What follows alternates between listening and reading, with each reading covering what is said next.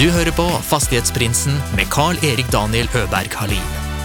I denne podden får du følge med på eiendomsinvestorer fra Sverige og Norge når de deler sine erfaringer og tips med oss lytterne. Gjestene er alt fra småbarnsforeldre med sin første enhet, til de mer etablerte haiene. God fornøyelse. Hej alla poddvänner! Äntligen dags för del två. Idag tar vi ett djupare steg in i dagens liv. Varför podden kom till och vilka investeringar Daniel gjort i det sista. Det är en klassisk fastighetsprinspodd idag med en affärsanalys och fyra frågor. Dessutom sjukt mycket bra tips. Nu tycker jag att vi lyssnar. Del två av eh, Lär känna fastighetspriset. Yeah.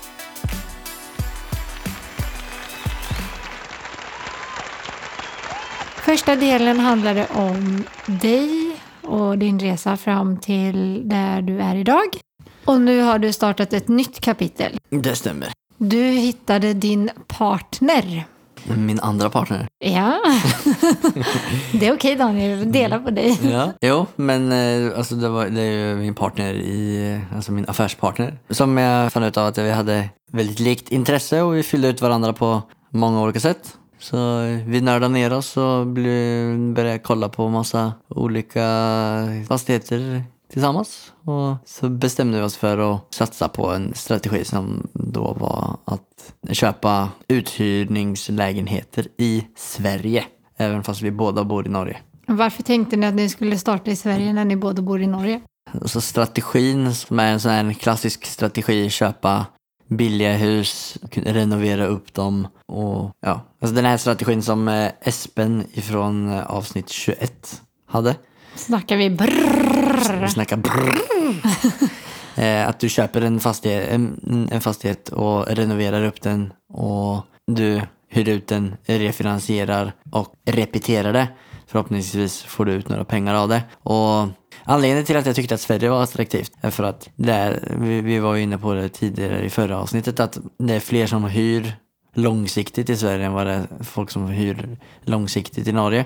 Så tanken där var att, att köpa i mindre orter och eh, göra en sån burr och hyra ut långtidsuthyrning till vanliga familjer och bygga en stor portfölj av det. Så vi hade ju letat och varit på många turer över till Sverige och hittat eh, några objekt i den flotta staden Filipstad i Värmland. Och var väl eh, eniga med säljaren om att vi skulle eh, köpa det och så drog han sig ut rätt före. Vi skulle signera för att hans partner då som han hade inte var enig med att han skulle sälja. Så det blev aldrig att de sålde. Då stod vi där, hade lagt nästan ett år på att hitta en deal och förhandla dealen. Så vi hade väldigt då, eller vi hade ju ingenting i pipelinen då. Så mitt i corona, vad ska vi göra då? Vi får inte ens åka in till Sverige.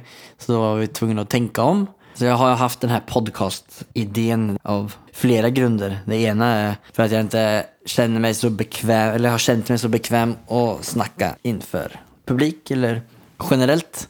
Inte varit så, jag har inte tyckt att det har varit min starka sida så det var någonting som jag ville bli bra på. Samtidigt som jag tycker det är kul att prata så det är jävligt märkligt. Men alltså det här var parallellt med att du letar eh, objekt i Sverige. Det var väl i, runt december för, alltså i 2020 som den här dealen gick i dass.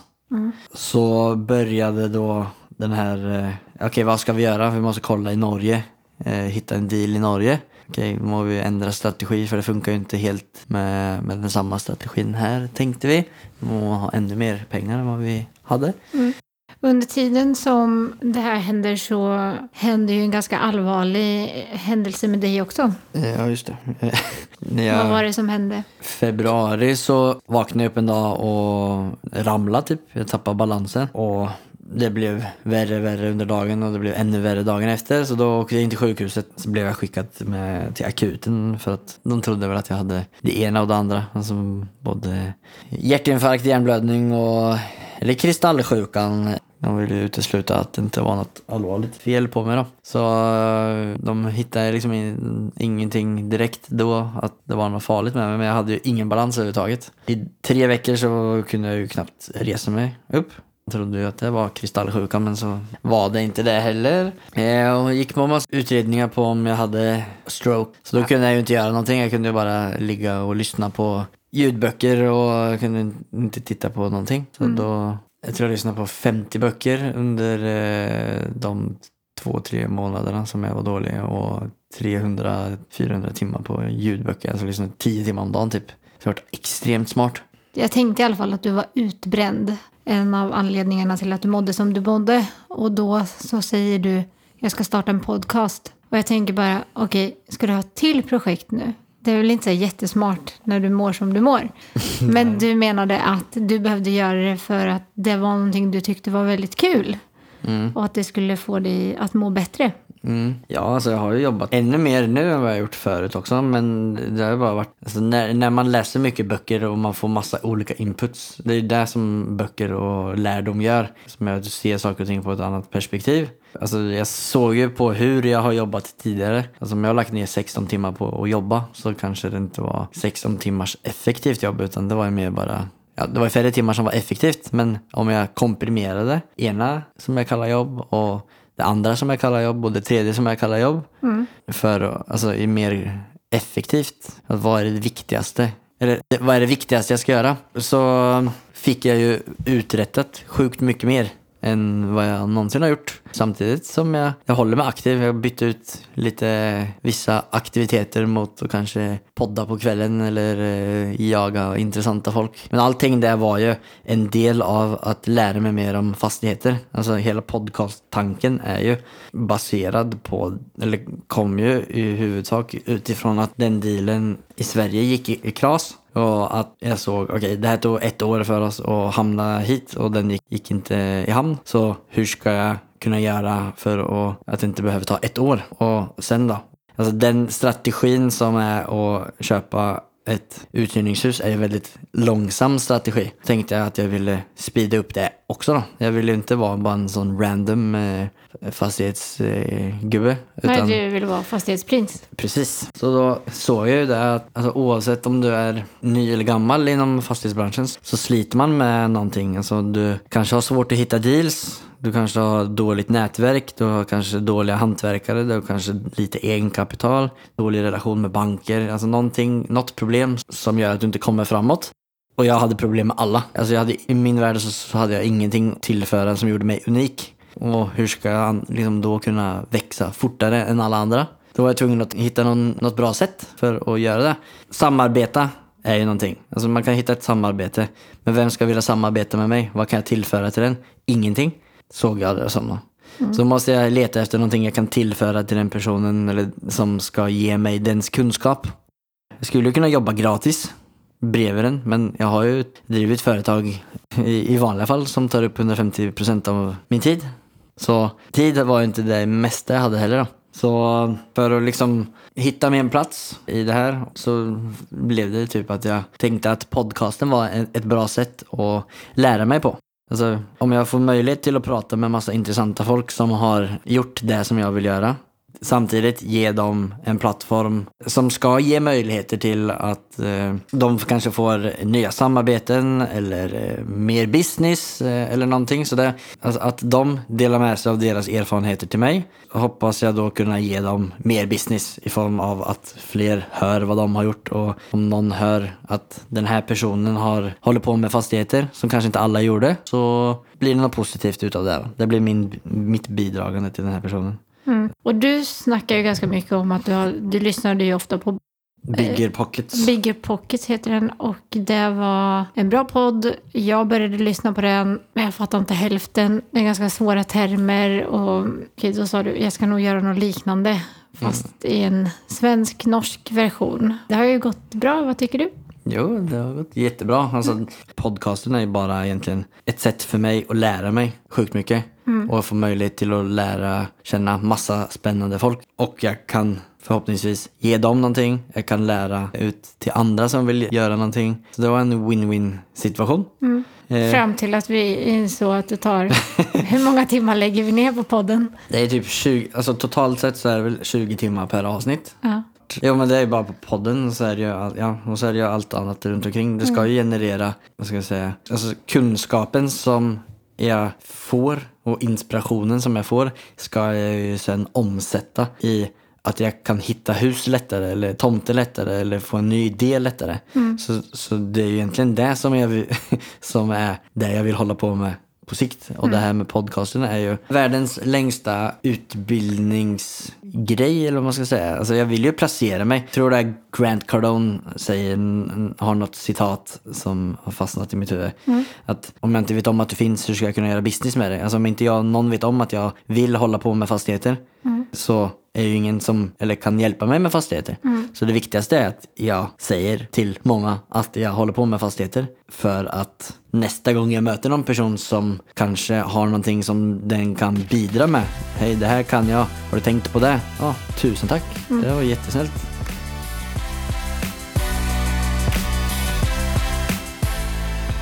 Du nämner att, att du inte alltid har varit så trygg på att prata. Och när du då säger att du ska starta en podcast, hur har responsen varit då?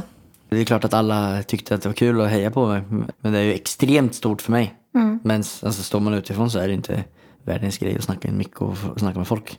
Och det är ju lite så som jag ser det nu. Men jag kommer ihåg de första gångerna eh, som jag hade en intervju. Eller första gången som vi köpte mikro, mikrofonerna. Så var, vågade jag ju knappt prata i den för att jag inte ville höra mig själv. Och det var ju också en stor uppvaknande för mig att allting handlar ju bara om mängdträning. Att du gör många nog gånger. Alltså, jag har gått omkring i tio år och tyckt att jag har varit dålig på att prata inför eh, liksom, när jag på presentationer eller någonting. Men jag, jag har ju inte tränat tillräckligt mycket för det. Jag har inte övat flera timmar för att hålla en presentation. Nej. Men nu, nu har jag lagt ner psyko mycket tid på att prata. Långt ifrån så trygg som jag vill och kommer att vara. Jag känner att jag inte har tillräckligt med ordförråd eh, till exempel. Som gör att jag stoppar upp och det flyter inte på helt så som jag vill att det ska göra. Men jag är ju hästlängder längre fram än vad jag var när jag startade. Jag brukar ju skoja med dig ibland och säga att när du fick den så kallade stroken så fick du strike. För det var som att du blev en helt ny person efter det. Ser ju en jättestor skillnad eh, alltså före och efter striken. Det är ju lite tragiskt att man ska få en sån skicklig käftsmäll. Eh, är det så farligt att prata i en mikrofon? Till exempel, jag hade ju inte Instagram innan vi startade det här heller. Nej. Delvis för att jag tänkte så här, vad ska någon annan tänka om jag lägger ut bilder och håller på? Så nu när jag vill att folk ska se vad jag håller på med så märker jag hur självuttagna alla är. Det är ju ingen som bryr sig om mina bilder eller vad jag lägger upp. Det är sjukt svårt att nå folk. Ja, folk vill bara att man ska se på deras egna grejer. ja, ja, men så är det. Nu triggas jag ju mer. Alltså om, om jag står inför en situation där min första liksom, reaktion är usch, det här är obehagligt och det här är utanför komfortzonen. Men det hjälper mig att nå ett steg närmare målet. Då blir det typ en bekräftelse på att det här är det jag ska göra. Vad var det som fick dig att ta action? Jag tror kanske att alltså, saker och ting hade ju börjat ta form. Jag hade ju köpt massa kurser, jag hade liksom eh, börjat putta snöbollen framåt. Men jag hade liksom inte kommit över den här värsta barriären. Alltså för att våga tänka sjukt stort. Alltså för de som inte har läst 10X eller för de som har läst 10X-boken med Grant Cardone. Det finns ju massa liknande bok, böcker, alltså Think and Grow Rich och, och sådär. Men det handlar ju om att tänka så stort som, alltså tio gånger större än vad du klarar av att tänka som mest. Sjukt irriterande när du säger till mig, eh, när jag liksom, okej Danne, jag vill göra det här. Ja, kan du tänka tio gånger större än det här eller? Hon bara, ja, jag vet inte. Det är ju, alltså varför ska man inte göra det? Och det, är så, det är så jantelag att, eh, nej men lagom är bra och det, vi har det bra så här. Ja, Mm. vi har det såklart, vi har det bra. Men så samma till det här pokertankegången. Alltså hade jag hållit ett stort mål hela tiden som kittlade i magen så hade jag kanske varit på någon annan plats inom det. Alltså om jag inte har en dröm och en vision som är jätte, jättestor nu. Om jag bara, äh, jag ska ha två hus. Och sen då? Om jag får två hus då, vad ska jag göra då? Alltså, Ja, det ska ju vara någonting som är så stort och kittlande som gör att liksom hela ditt liv blir, alltså att du får energi att jobba 18 timmar med saker. Alltså när jag började jobba på First Move Group, jag jobbade 18 timmar med att stå i ett arkiv utan fönster och det var damm. Men det var det roligaste. Det var så jävla motiverande för jag visste varför jag gjorde det. Så är det ju med allt. Hitta ditt varför. Ja. Ja, det är väldigt inspirerande, den resan du har gjort. Yes, och så får du en så kallad strike och så börjar det hända saker. Ja. Du tänker stort, du tänker långt tänkte jag säga, men det gör du alltid. Men du är inte rädd på samma sätt. Du har nu fjärilar i magen, du har säkert ätit tio fjärilar under sommaren som bara ligger där och, och flyger omkring. Vad gör du och din partner nu? Under den här tiden då som jag inte kunde göra något annat än att bli jäkligt smart av alla böcker som jag lyssnade på. Blev det då, jag läste den här 10X, den har jag säkert läst tio gånger dess. Och innan det med. Bra böcker måste jag läsa många gånger för annars så fattar jag dem inte. Kanske inte jag blev så smart. Men det är liksom sättet som jag strukturerar upp mål baserar sig på först grunderna i den boken, tänk så stort som det bara går. Sen finns en annan bok som heter Vivid Vision. Alltså man ska föreställa sig vart man är om tre år och skriva ner alltså typ fem A4 exakt hur det känns, vad du gör, ja, hur allting fungerar om det, alltså med, med din verksamhet och med ditt liv och hur en vanlig dag ser ut. Så skriv ner det så detaljerat som liksom vad, hur kaffet luktar på morgonen. Sen en annan bok som har världens längsta, tråkigaste namn, men den heter No More, Make More, Give More, Learn How to Make More Money and Transform Your Life. Åh herregud, Men det är, han kunde inte bestämma nej, sig. men den, eh, liksom själva strukturen i hur man ska nå sin vision som jag har tagit med mig från den boken. Har de något med varandra att göra då? Nej, de har ingenting. Det här är min sån här, eh, cocktail av hur jag ska sätta mål och leva efter dem och nå, nå dem. Och det var världens längsta svar på vad gör jag och min partner nu. Men, eh, så då satte vi oss lite mål och det första var då att köpa, alltså komma igång, köpa första investeringen i bolagsform. Är ni lika som personer? Nej, eller på, på vissa sätt. Alltså vi har vissa egenskaper som vi är lika i. Men som sagt, vi fyller ut varandra väldigt bra. Och det är jävligt kul. Mm, det är jättebra. För att man, ja, man funkar helt olika och det passar perfekt.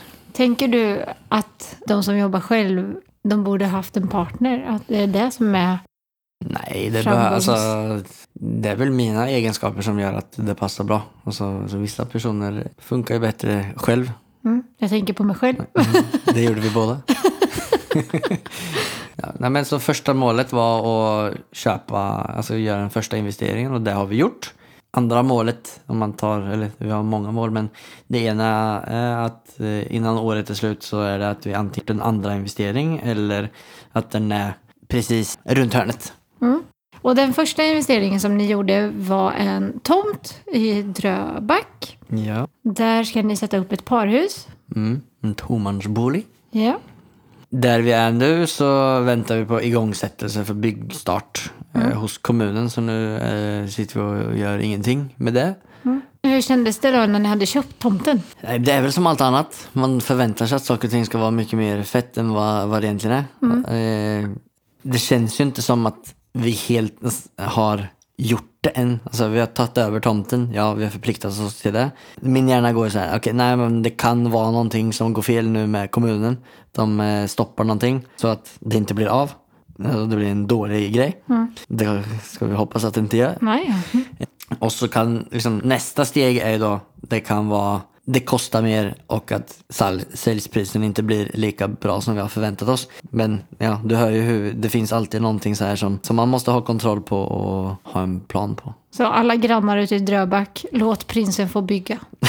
låt han bara få komma igång med sin pojkdröm. jag tror vi har fått, inga nabovarslar längre, den fristen är ute. Ja. Så det är bra, nu är det bara andra saker. Har ni gjort några mer grejer eller har du gjort något mer? Jag och min kära partner kollar ju hela tiden efter nya grejer. Vi eh, har ju ramlat bort i en möjlighet alltså, som egentligen är ganska gammal. Alltså vi är väl typ involverade i en deal till som jag inte har berättat om. Men eh, det är väl också för att jag vill att liksom första steget ska vara igång för jag kan berätta, vill berätta om den. För att ja, jag vet inte, orolig att den kanske inte blir av eller att det är något. Ja. Men det är i alla fall en eh, det, är Ett fjällhyttprojekt. ja, men det är inte den, för du har fler fjällhyttprojekt på gång. Visst är det så? Eh, ja, så har vi ramlat bort in till nu som vi får se om det blir någonting av. Men den första har vi hållit på med i typ fem månader nu. Som vi hoppas eh, snart ska hända någonting med. Så där kommer jag väl berätta mer om när eh, vi kommer till ett till stadie förhoppningsvis. Kanske jag får gästa igen. Oj, ja kanske. Fastighetsprinsessan kanske vi ska starta då. Ja, precis. Ja.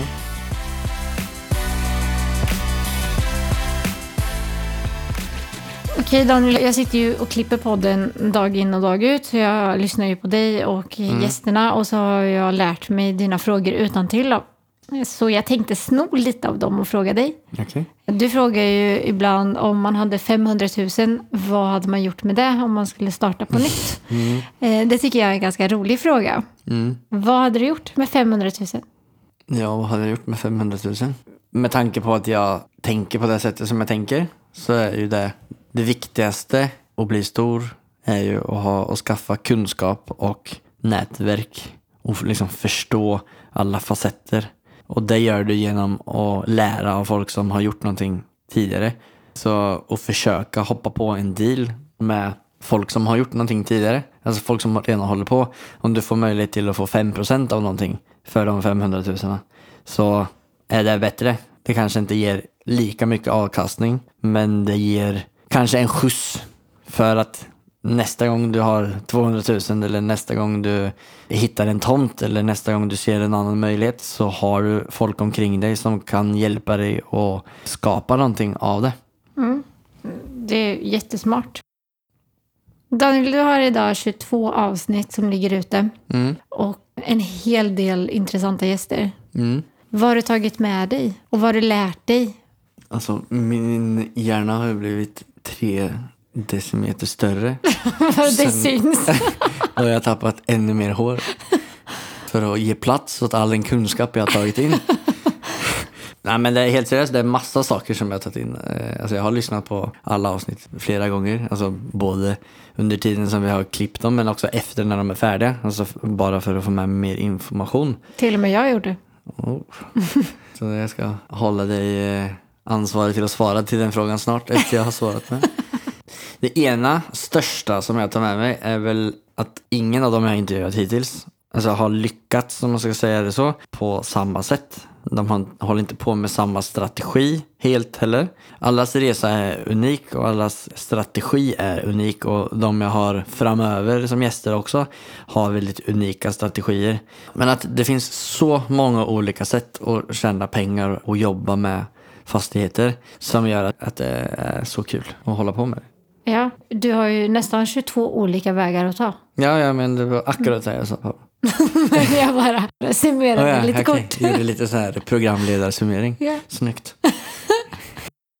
Alltså jag var inte färdig. Eh, bara en sak till angående det vi, som jag har lärt mig. Jag har ju läst och sett på kurser och allt möjligt eh, att det finns så många olika sätt att hålla på med.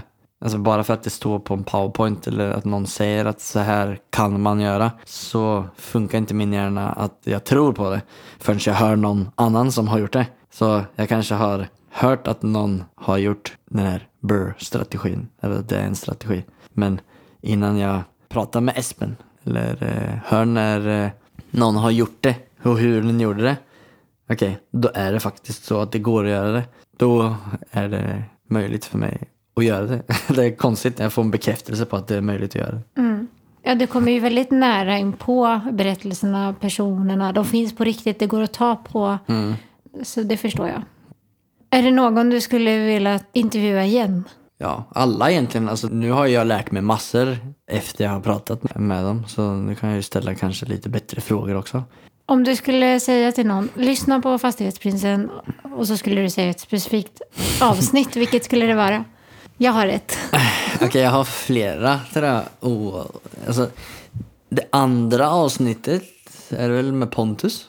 Alltså, alla, alltså, jag måste säga alla avsnitt har betytt ganska mycket för mig själv i, liksom, i, min egna utveckling. Jag skrattade ganska högt när jag klippte Jimmy i alla fall.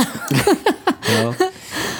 Thomas S. Knutsen, jag kommer inte ihåg vilket avsnitt. Nummer nio, väldigt ödmjuk man. Nej. Alltså alla avsnitt, alltså Lars Dyrendal, Morgan, Simon Peter Itejord, Men som sagt, alla avsnitt har sin egen, har jag tagit med mig min egen lärdom av. Jag tycker att, alltså Jan Bolmesen i avsnitt 22 summerar det så sjukt bra. Att, alltså på den frågan varför han inte investerar i fastigheter utan att han, varför han investerar i börsen istället. Och då hade jag förväntat mig en hetsk diskussion men han säger man måste älska problemen med det man håller på med. Älska problemen som kommer med att investera i börsen. Man älskar inte problemen som fastigheter för med sig. Men jag blir supertriggad av det. Alltså alla moment med fastigheter. Han, han tycker om att läsa om företag, allt som det, det man gör när man investerar i börsen. Men jag älskar jakten på en ny deal eller möjligheten till att lösa någonting som är omöjligt eller en hyresgäst som är missnöjd och få den till att vara glad. Liksom. Sådana saker tycker jag om och därför är det perfekt för mig. Mm, sjukt bra. Då har vi kommit fram till segmentet affärsanalyser.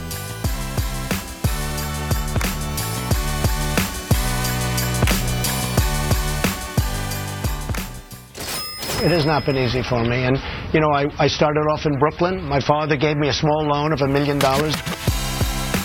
Affärsanalysen.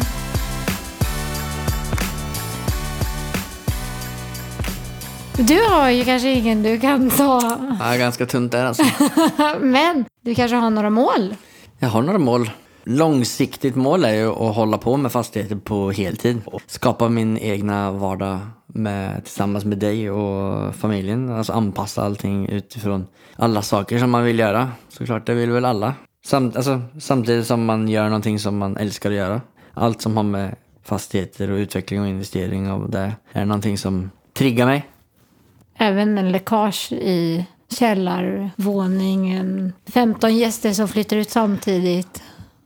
Alltså med det jobbet som jag har haft de sista 12 åren så är ju det liksom brandsläckning och krishantering har varit, är, ju, är ju en del av mitt jobb. Så det där är ju ingenting som, även om jag inte vet hur jag ska lösa det just nu så vet jag att jag kommer lösa det. För det är så det funkar. Det tror jag verkligen du kommer veta när den dagen kommer. Tack för det Daniel. Ja, men bara hyggliga.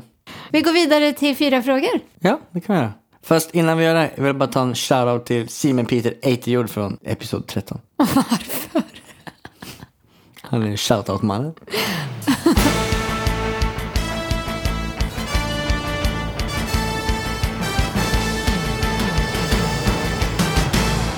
Cuatro preguntas. Den första frågan. Vad är det som skiljer en framgångsrik ifrån den som En framgångsrik entreprenör mot den som inte lyckas. slutar eller aldrig kommer igång? Jag borde ha alla svar till de här frågorna. Ja, du har ju fått 22 fantastiska svar. Ja. Det är att ha nog med kunskap så du vet vad det är du ska göra. Men inte så mycket kunskap så att, du, liksom, att tiden går för lång tid innan du kommer till nästa steg som är att komma igång och bara köra på. Alltså att allting behöver inte vara så perfekt när du väl startar. Men att komma igång och vara bekväm med att man, att man justerar under vägen. Liksom det där som jag har gjort fel under många år nu, liksom att jag inte kom igång. Och, alltså, för det första dealen kommer inte vara min bästa deal. Och inte min sista deal heller. Och i det stora hela, eftersom att jag vill bli gigantisk, kommer det vara en marginal i slutändan. Jag ska ju ha nog kunskap så att jag inte sätter mig tillbaka fem år och, för att jobba igen ett, ett tapp liksom. Alltså, ha nog med kunskap och vara mindre rädd. Bara köra på. Den 80-20 rule var lite, de sista 20 procenten är kanske inte så sjukt viktiga. Utan det hittar du på, det lär du under vägen. Och det kan man ju typ applicera på allt. Ja, Alltså hela livet. Ju. Jo. Man kan tänka sig ihjäl och, och planera ihjäl men om man ser på alla som har varit, som är framgångsrika i någonting, det är ju att man är bra på att snurra runt när någonting ändrar sig. Är du för fast vid att så här ska det vara, din plan är det enda som gäller. Så när vägen svänger så kör du rakt in i väggen. Mm, bra. Nästa fråga. Om du hade obegränsat med pengar och fick köpa vilken fastighet som helst i hela världen, vilken hade du köpt? Jag hade nog köpt ett, eh, en stor mansion i Nice eller Monaco bredvid Jonas Livros från avsnitt 16. Jag tror han också sa att han skulle ha Casa del Livros. Nej, men det blir bra fester där ute. Ja. Jonas Livros och Bono som eh, närmsta grannar. Ja. Mm. Nu bästa boktips.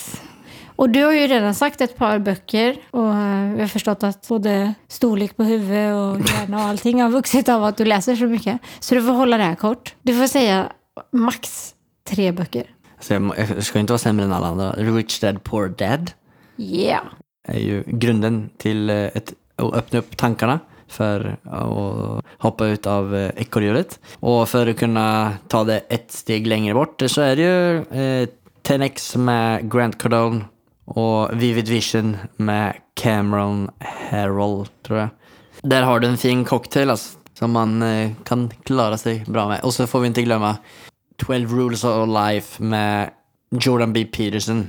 Där har du, där har du. Där har du cocktailen. Till framgång. Härligt. Okej Daniel, fjärde frågan. Och den frågan kom ju jag på att du skulle ha med. Jag tycker det är viktigt att fira här i livet. Alla borde fira mer. Nu vill jag fråga dig. Nämn det mest storartade sättet du har firat en genomförd affär på. Ja, eftersom att jag inte har gjort så många genomförda affärer så har jag ju inte klarat av att fira så mycket. Men om jag ska tänka på något roligt sätt som jag har firat en annan framgång med. Om man ska ta en gnutta lite mer humor i det hela. Jag hade haft en lång period med mycket jobb och några väl genomförda projekt på jobbet. Så det var en eh, fin bonus som trillade in. Skulle vi unna oss semester. Och vi bestämde oss för att åka till eh, Tulum i Mexiko. Eh, och jag var supertaggad och hade åkt i flyget i 13 timmar och kom fram och hade inte sovit på 24 timmar. Så det var ju mitt på dagen då så gick vi ner på, på stranden och glömde jag ta på mig solkräm. Tog en eh, vetegrässhot av några ryssar som bodde inne i djungeln som var rädda för sig själva. Resulterade väl i att jag blev sjuk första dagen och fick 40 graders feber. Låg inne och svettades där fram tills att Dr. Salvador körde fram på sin eh, Vespa och bad mig att hosta och bekräftade då ganska snabbt att jag hade lunginflammation. Och eh, gav sitt ord på att 110% säkerhet så kommer jag bli frisk om jag tar de här, den här medicinen. Och såklart som Dr. Salvador eh, lovade så blev jag det. Frisk blev jag och då gick vi ut och skulle fira det. Det var väl lite små mm, lulli i bollen av eh, hostmedicinen som var rätt stark. När hovmästaren på restaurangen informerade om att det fanns Kobe beef på menyn, vilket det förmodligen inte var, då tog jag självklart det. Och rare såklart. Efter att ha legat sjuk i en vecka så tog jag en mexikansk Kobe beef rare. Så då var jag sjuk resten av semestern. Det var en fantastisk resa. Väldigt bra. Uppleva Mexiko på egen hand. Där ligger du. Och inte ens Salvador kunde göra jobbet. det var en bra firing Daniel. Tack. Ska Mm. Hoppas- jobba lite mer på den. Jag hoppas det blir bättre i framtiden. Vi får se då hur vi firar när affärerna är inlock. Vad heter det? då... Heter det inlock? Inlock, ja. Det heter så. Det är en term, eh, fastighetsterm. Inlock. Ni säger så många roliga ord så jag bara försöker hitta på egna. Ja, men då, jag tänker att det är bra. När, när eh, Dröback-projektet blir inlock så drar vi till Paris. Käkar baguette. Det blir bra. Det blir jättebra. Har du ett sista tips till alla nya fastighetsinvesterare eller de som vill komma in i branschen eller göra det lika bra som du gör det nu? Oh my god, så bra. okay, nu, mina dyrbara tips. Nej, det är ju som de flesta har sagt i den här podcasten hittills så är det att skaffa massa kunskap och lära sig och hitta någonting som är kul att göra. Och ha driv, ge aldrig upp. Bara våga köra på. Inte vara så rädd. Den här 80-20 rule som vi snackade om nyss. Är du öppen för att folk tar kontakt med dig? Ja, såklart. Alla som vill ta kontakt med mig får, så är det bara att ta kontakt. Och jag kan hjälpa till med podcast. Det kan du. Ja. Du gör jättebra jobb för det där faktiskt. Det har varit ganska kul att den här resan för båda två har ju varit väldigt lärorik. Vi kastade oss in i någonting eh, båda två utan att kunnat någonting av det. Så tycker jag att vi gör det ganska bra. Vi har ju faktiskt eh, blivit, eh, Partners in crime. ja, det också. Men Nordens största podcast tänkte jag säga. Okej. Men vi är partners in crime. Vi är det. Inlock. In- partners in lock. Tack Danne för eh, en härlig timme. Tack själv. Okej, innan vi avslutar nu. Är det någon du vill ska ta kontakt med dig, Daniel? Om man tänker på gäster som jag skulle vilja intervjua så hade det varit riktigt kul att få intervjua Andreas Arnhoff eller eh, Petter Stordalen.